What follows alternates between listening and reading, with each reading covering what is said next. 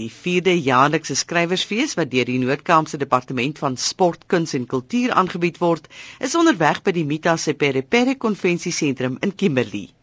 Die departement sê die fees het nou 'n belangrike interaktiewe platform vir aspirant en gevestigde skrywers geword.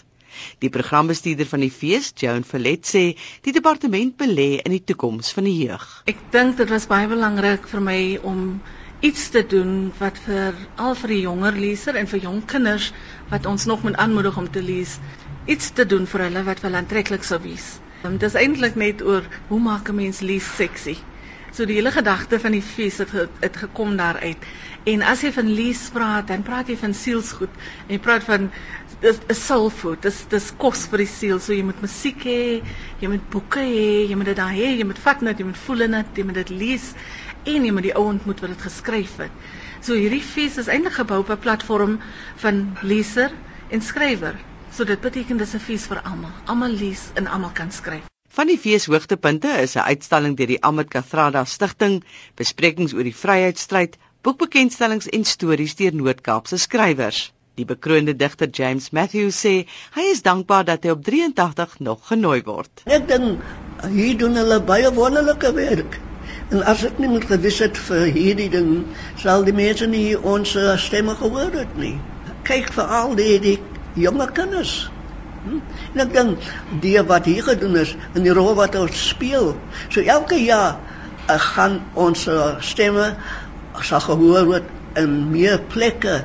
Wat sal bedoel? Jonge kinders gaan skryf. En dis altyd belangrik wat ons ook ingebring het in daai klas laat hulle moet lees. As hulle nie lees nie, is hulle verloor. Die gewilde spanningsliteratuurskrywer Dion Meyer sê die skrywersfees lê hom na aan die hart. Ek dink in die eerste plek omdat dit in die Noord-Kaap is, ek het 'n baie sagte plekkie vir die Noord-Kaap.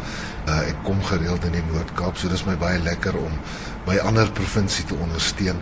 En ek dink dit is 'n uitsonderlike fees. Ek dink dis 'n fees wat verskriklik sterk op die gemeenskap gefokus is, op die ontwikkeling van jong skrywers en jong talent, die bemarking van van skryf of die moontlikheid van skryf as as 'n lewenskeuse, as as 'n beroepskeuse, die aanmoediging van lees en skryf. Ek dink dit is fantasties. Die bekende skrywer Marita van der Vyver het al die pad uit Frankryk gekom en meen ook die Noord-Kaapfees is spesiaal. Omdat dit hier is, omdat dit 'n provinsie is waar baie Afrikaans gepraat word nog en omdat dit 'n provinsie is waar mense nie ryk is nie. Dis nie 'n glamorous skryffees nie en en dit is vir my belangrik. Sy sê heelwat meer moet gedoen word om die eie tydse Suid-Afrikaanse stories gedokumenteer te kry. Ons is almal maar besig op ons manier, maar ek dink daar kan nog baie meer gedoen word.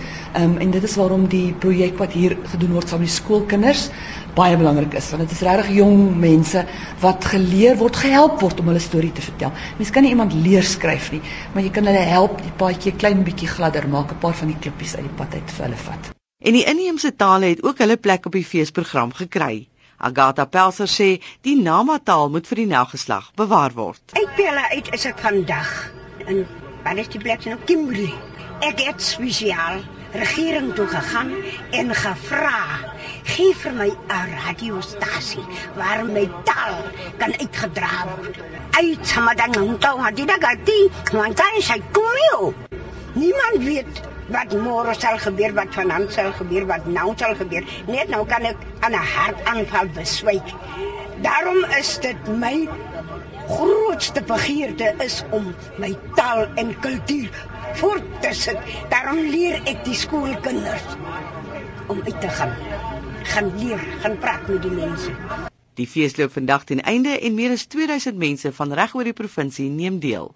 Anel Hadrich in Kimberley